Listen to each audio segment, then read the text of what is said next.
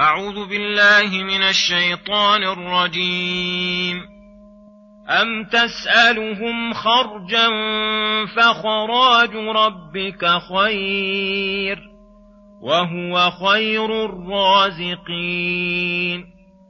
وإنك لتدعوهم إلى صراط مستقيم.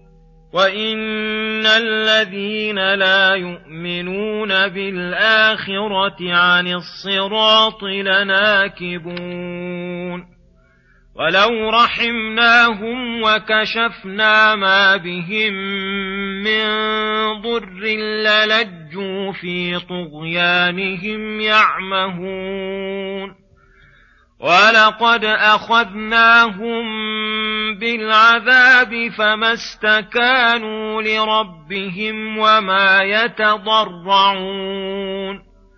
حتى إذا فتحنا عليهم بابا ذا عذاب شديد إذا هم فيه مبلسون.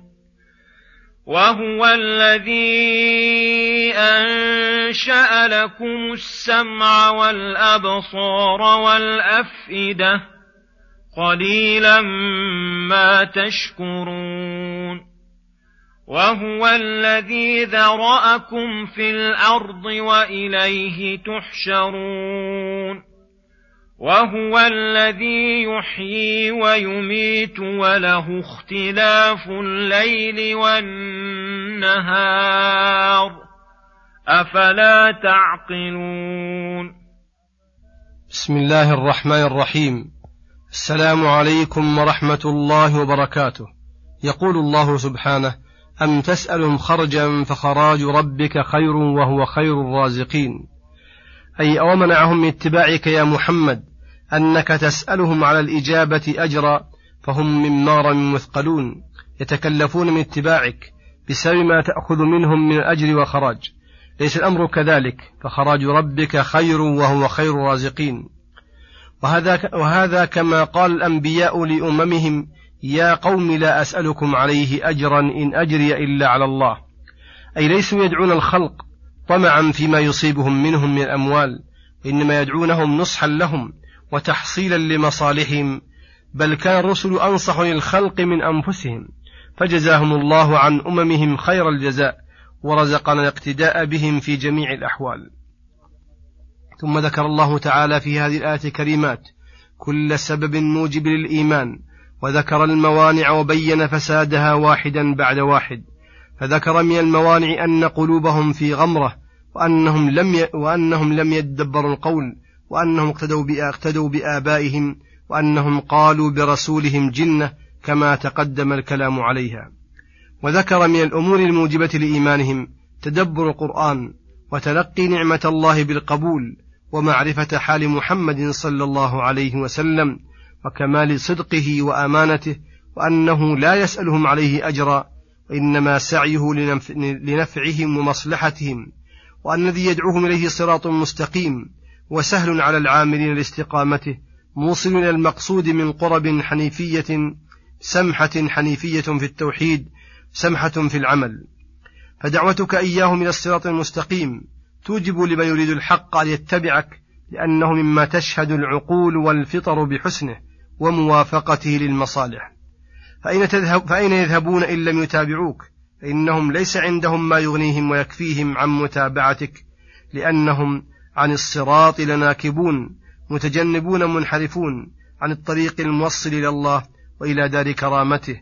ليس في أيديهم إلا ضلالات وجهالات. وهكذا كل من خالف الحق لا بد أن يكون منحرفا في جميع أموره. قال تعالى فإن لم يستجيبوا لك فاعلم أنما يتبعون أهواءهم ومن أضل ممن اتبع هواه بغير هدى من الله. ثم يقول سبحانه ولو رحمناهم وكشفنا ما بهم من ضر للجوا في طغيانهم يعمهون. هذا بيان لشدة تمردهم وأنهم إذا أصابهم الضر دعوا الله أن يكشف عنهم ليؤمنوا أو ابتلاهم بذلك ليرجعوا إليه.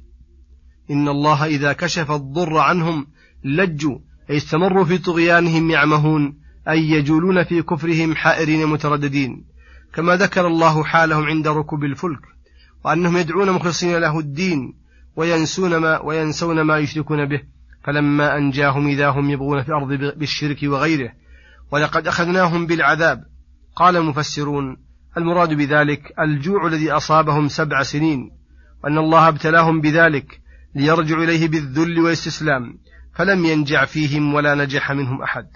فما استكانوا لربهم أي خضعوا وذلوا وما يتضرعون إليه ويفتقرون بل مر عليهم ذلك ثم زال كأنه لم يصبهم لم يزالوا في غيهم وكفرهم.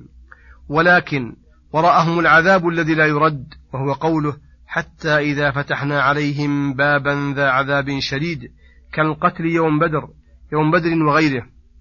إذا هم فيه مبلسون آيسون من كل خير. قد حضرهم الشر وأسبابه فليحذروا قبل نزول عذاب الله الشديد الذي لا يرد. بخلاف مجرد العذاب فإنه ربما أقلع عنهم كالعقوبات الدنيوية التي يؤدب الله بها عباده.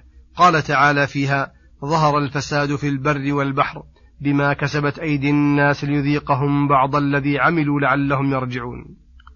ثم يخبر تعالى بمنته على عباده الداعية لهم إلى شكره والقيام بحقه فقال وهو الذي أنشأ لكم السمع لتدركوا به المسموعات فتنتفعوا في دنياكم في دينكم ودنياكم والأبصار لتدركوا بها المبصرات فتنتفعوا بها في مصالحكم والأفئدة أي العقول التي تدركون بها الأشياء وتتميزون بها عن البهائم.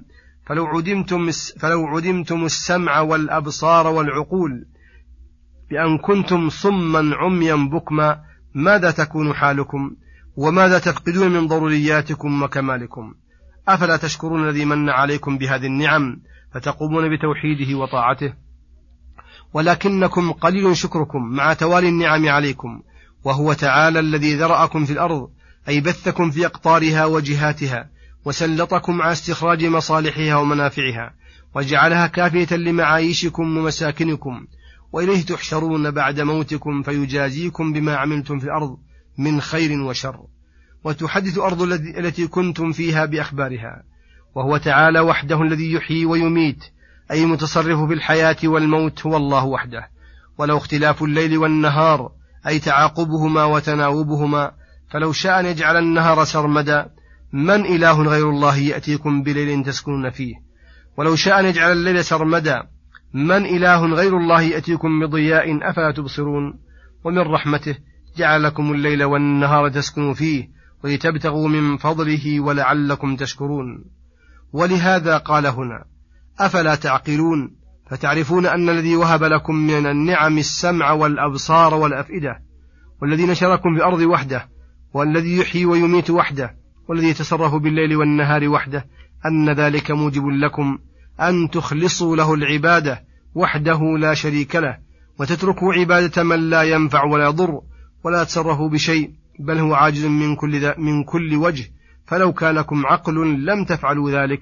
وصلى الله وسلم على نبينا محمد وعلى آله وصحبه أجمعين.